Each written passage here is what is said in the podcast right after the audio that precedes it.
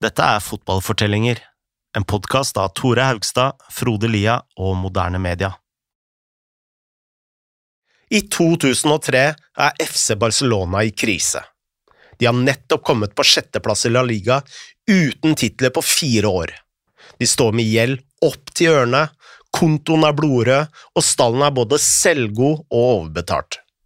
Når en ny president skal velges, stiller en karismatisk advokat og en gjeng unge direktører som folk knapt har hørt om.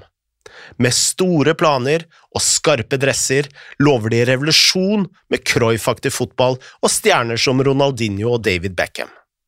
Ekspertene gir dem null prosent sjanse til å vinne. Men disse direktørene skal prege Barcelona i 20 år, både i form av titler, tragedier og bitre interne strider.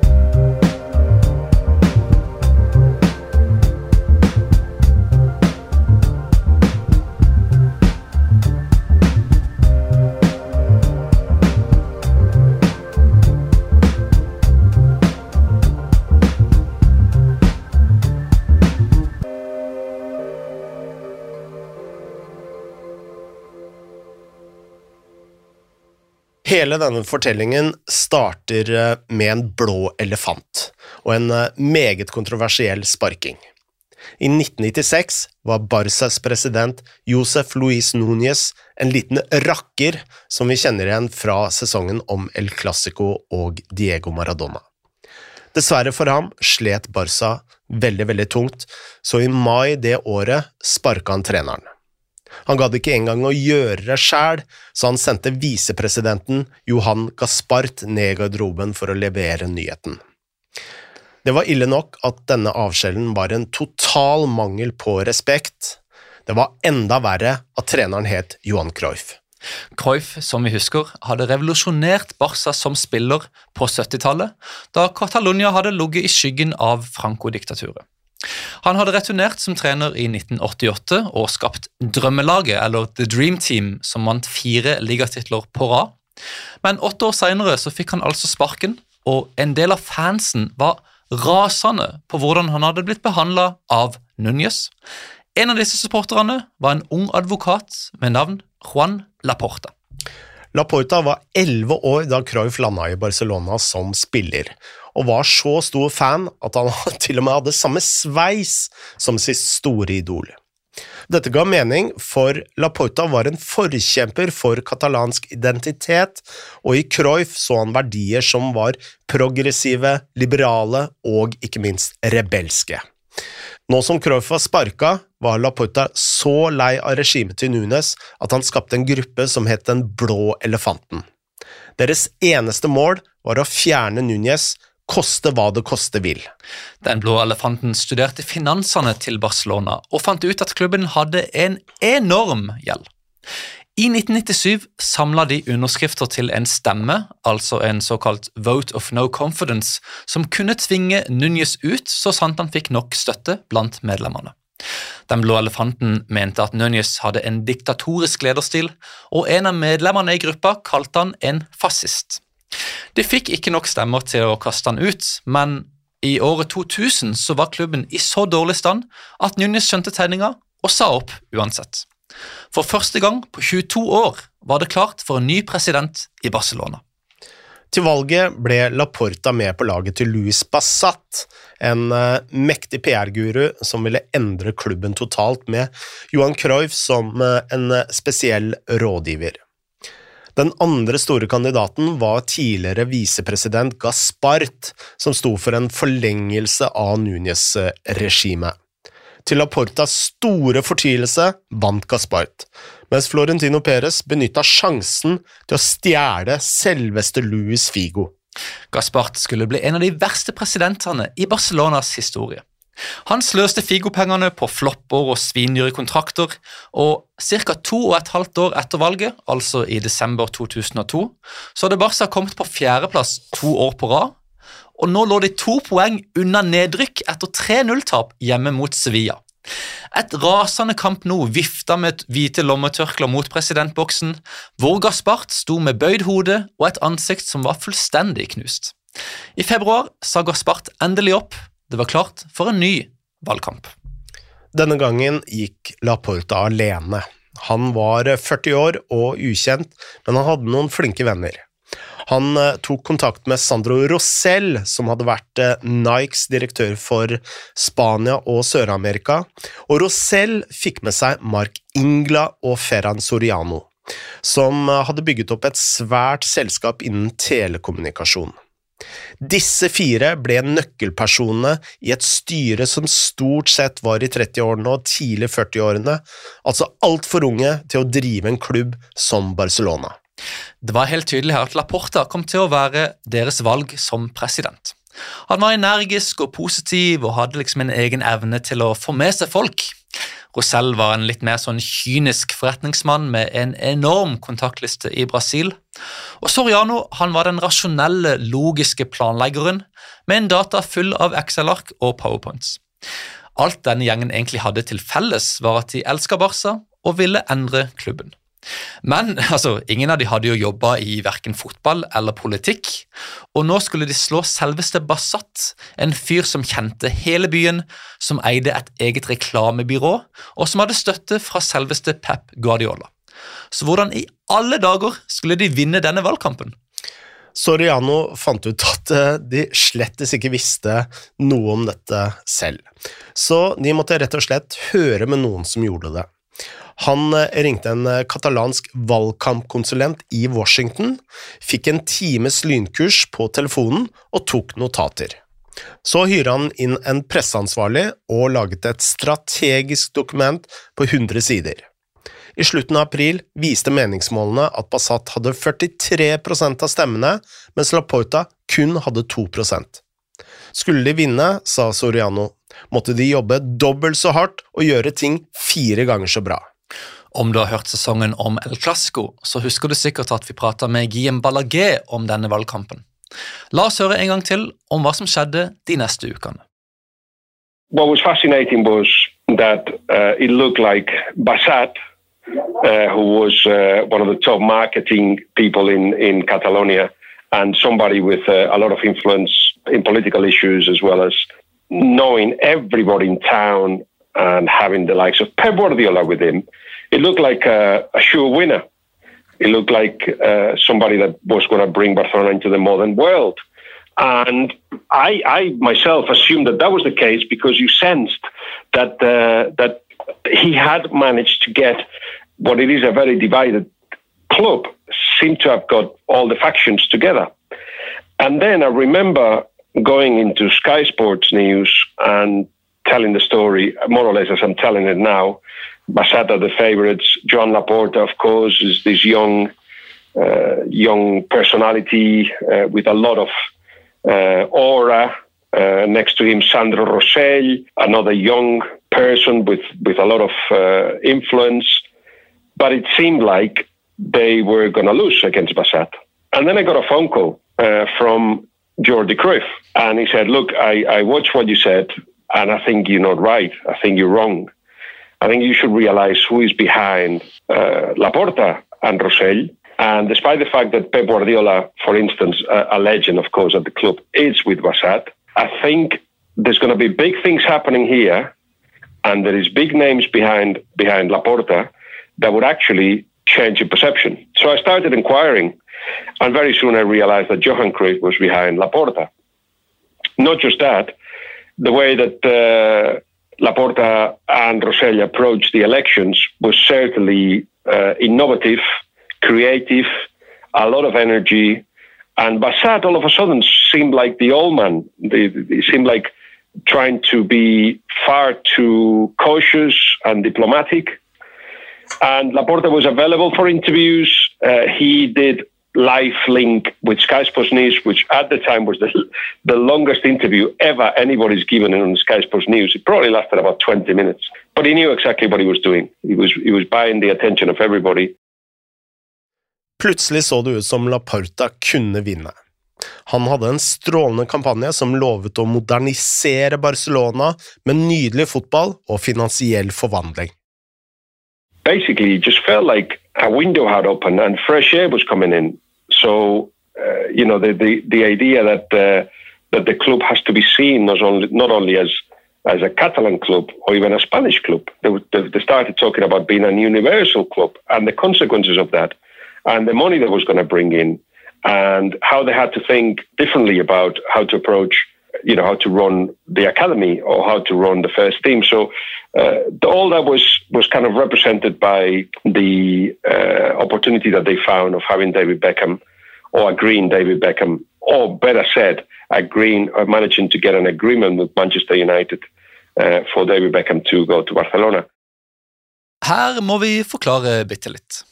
Det var fortsatt langt ifra sikkert at Laporta kom til å vinne valget her, men ti dager før stemmene skulle avgis, så kalte han pressen inn på kontoret sitt for å si at Barcelona hadde blitt enige med Manchester United om en sum for David Beckham. Denne sjokknyheten kunne Laporta levere etter en avtale med den israelske agenten Pini Sahavi. It's a fascinating story of, uh, of knowing how to uh, manage the contacts uh, and how to sell uh, how to sell a story that everybody knew was not going to take place. So basically, the relationship of um, John Laporta with Pini Sahavi uh, meant that uh, Pini promised him that Manchester United could announce the um, the agreement with the candidate with Laporta, knowing full well everybody that uh, David Beckham had an agreement with Real Madrid. So it was just about getting the name known and making a big impact. In exchange, Joe Laporta had to buy a goalkeeper that uh, uh, it was, you know, Pini Sahari had in his books, and all the all the noise was was obviously it made us alert. Uh, I opened the doors of Sky Sports News and Sky Sports Laporta to tell his story in much more detail than Bassat, even though I also tried to get Bassat. But Luis Bassat had a had a thinking that you know he just had to influence the local voters, didn't need to convince the rest of the world. As I said, Laporta was looking at it from a completely different different way. And eventually, what happened, of course, that David Beckham went to Real Madrid. Rustu, uh, the goalkeeper, went to Barcelona as part of the deal with Pini Sahabi, and uh, John Laporta became the uh, the president of Barcelona uh, after turning everybody's heads and, and realizing everybody that with Johan Cruyff next to Laporta, they could not go wrong.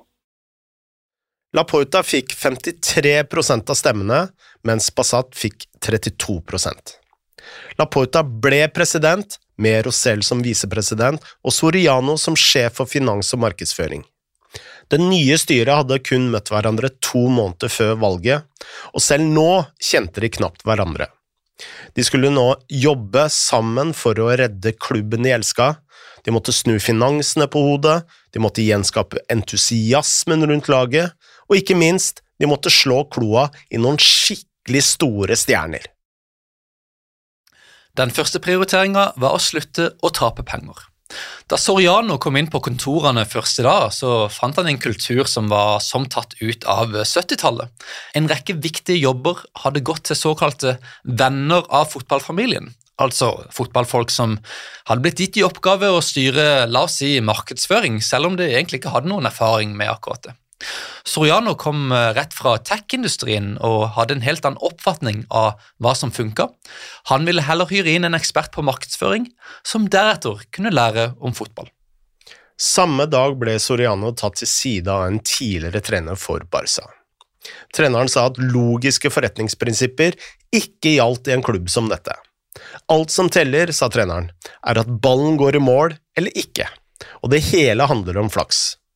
Dette sjokkerte Soriano, som hadde lest boka Winners and Losers, hvor to professorer hadde funnet ut at lagene som vinner, er de som betaler høyest lønninger.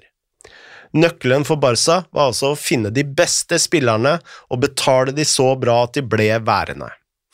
For å klare det, konkluderte Soriano, måtte de begynne å tjene penger. Snart innførte Soriano begrepet den positive syklusen. Og Prinsippet her var at de først måtte investere penger i laget. Så fort laget begynte å vinne, ville dette igjen generere penger i form av billetter og sponsorer. og Så kunne de ta disse pengene og igjen styrke laget, og så generere mer penger. og Sånn fortsatte syklusen. Men Soriano hadde jo litt av en jobb for å starte dette. Eh, Barcelona var som sagt i gjeld. Bankene tok så vidt telefonen når de ringte. De brukte 88% av sine inntekter på lønninger, og de lå på 13.-plass i verden over inntekter. Altså 13.-plass, Barcelona. Dette var bak Newcastle på den tida. Og Soriano så jo, altså Det var så vanskelig at han nesten så dette som umulig. Og Han skrev senere også at klubben nesten var konkurs. Soriano sa senere at de hadde to valg. Det ene var evolusjon, altså flere år hvor de skulle bruke lite penger, redusere utgifter og gradvis hente seg inn igjen. Det andre valget var revolusjon. Det betydde å redusere utgifter og investere i laget, selv om det betydde høyere gjeld. Soriano valgte revolusjon. Han visste at det var risikabelt, men han mente at om Barca ikke gjorde dette, så ville rivalene dra så langt fra dem, og så ville trofétørken vare så lenge at Barca sto i fare for å bli en såkalt kategori 2-klubb, altså på linje med Valencia og Atletico Madrid, som alltid lå litt bak teten. Og dette var jo i samme tid som Florentino Perez henta inn Galacticos til Real Madrid. Den største risikoen for Soriano var altså å ikke risikere noe som helst. Men først måtte de ha en trener. Laporta hadde Cruyff som rådgiver, og sportsdirektøren var Tsiki Begeristan. En tidligere spiller på Cruyffs uh, drømmelag, og de to ville ha enten Ronald Coman eller Gus Hiddink. Da begge ble for dyre, gikk de til Frank Rijkaard, som hadde vært en legendarisk spiller, men som hadde gjort det langt mindre som trener. Hans eneste erfaring var et kort opphold som sjef for landslaget og en sesong med Sparta Rotterdam som hadde endt med nedrykk. Så måtte Barcelona hente spillere. Stallen hadde mange profiler fra før, som Cloyfort, Saviola, Pyol, Mendieta, Frank de Boer og Luis Henrique, så Tsiki i samarbeid med Sariano fokuserte på enten låne eller kaste ut floppene som tjente aller mest. Og disse var typisk Geovanni, Filippe Christian Wall og Fabio Rockenbach. I tillegg lånte de ut eh, Juan Roman Riquelme, som Gaspart hadde henta til Louis van Gaal, før van Gaal hadde fortalt Riquelme at han slett ikke passa inn i, i, dette systemet. Barcelona signerte også Rustu, som Balaguer sa, og så begynte de jakten på en ny midtstopper. På toppen av lista sto Roberto Ayala, men eh, Valencia krevde 12 millioner euro, som Barca syntes var altfor mye. Akkurat da ble Laporta kontakta av en ung agent fra Portugal som så sitt snitt til å selge inn en av sine klienter, og han het Jorge Mendes. Denne historien fortelles i boka La Clave Mendes, som er en autorisert biografi om Mendes, eller i praksis en skrytebok som Mendes har fått to journalistvenner til å skrive foran. Ifølge denne boka så foreslo Mendes at Laporta skulle signere Rafa Marquez, som spilte på Monaco for den tida. Det var bare et problem. Monaco ville ha 13 millioner euro, og hvis Barca syntes at 12 var for mye for Ayala, så kommer de i hvert fall ikke til å gi 13 for Rafa. Men Mendes ga seg ikke. Han banka på døra til Laporta og ga ham et hypotetisk spørsmål. Hvor mye var han villig til å gi for Marquez? Lapauta svarte fem millioner, og visste at Monaco aldri kom til å gå så lavt. Lover du at du vil signere ham for det? spurte Mendes. Om det er prisen, så lover jeg, sa Laporta.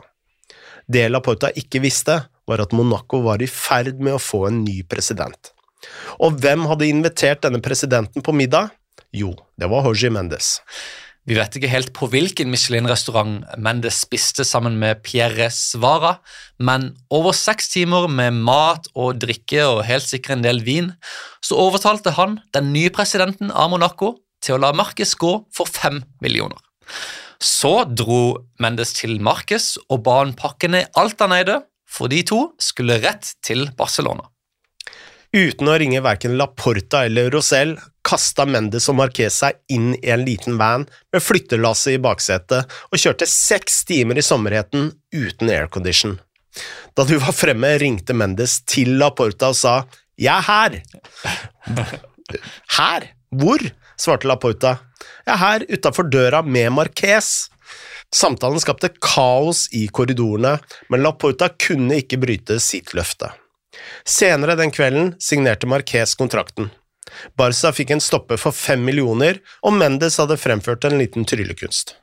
Denne signeringa fridde opp penger til andre spillere, for det var jo ikke nok med Rafa og Rustu, og spesielt ikke nå som Beckham hadde signert for Real Madrid.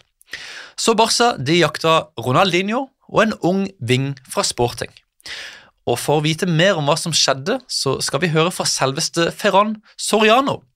I sommer var han gjest hos den islandske podkasten Dr. Football, som er drevet av Hjørvar Haflidason. Hjørvar var snill nok til å la oss låne noen klipp fra intervjuet, som vi kan anbefale på det varmeste. Her prater Soriano om overgangene sommeren 2003.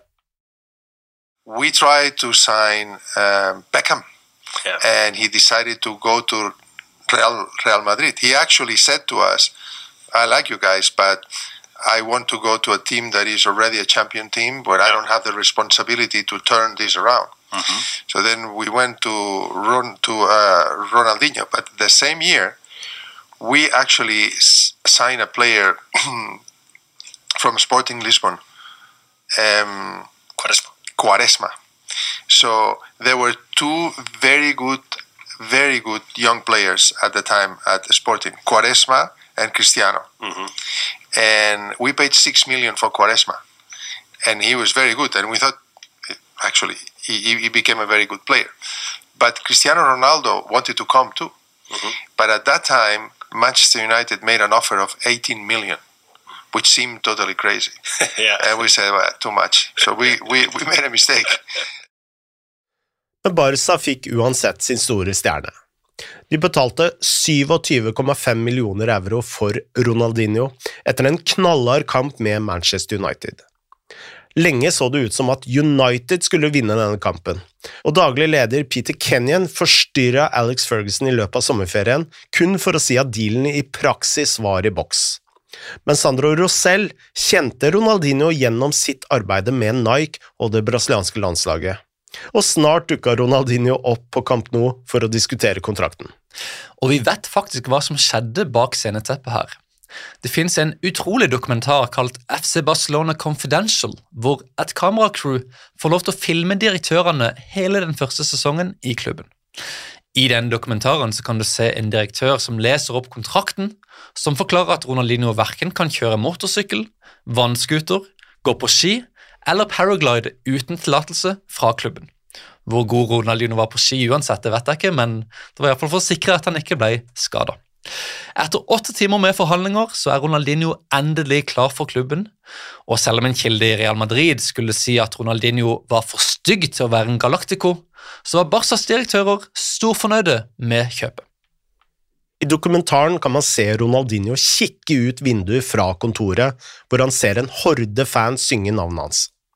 En smilende Laporta legger armen sin rundt ham, mens Rosell lover at de skal selge drakter som varmt wienerbrød. De har endelig fått spilleren som skal forvandle klubben, og idet sesongen starter, virker alt rosenrødt.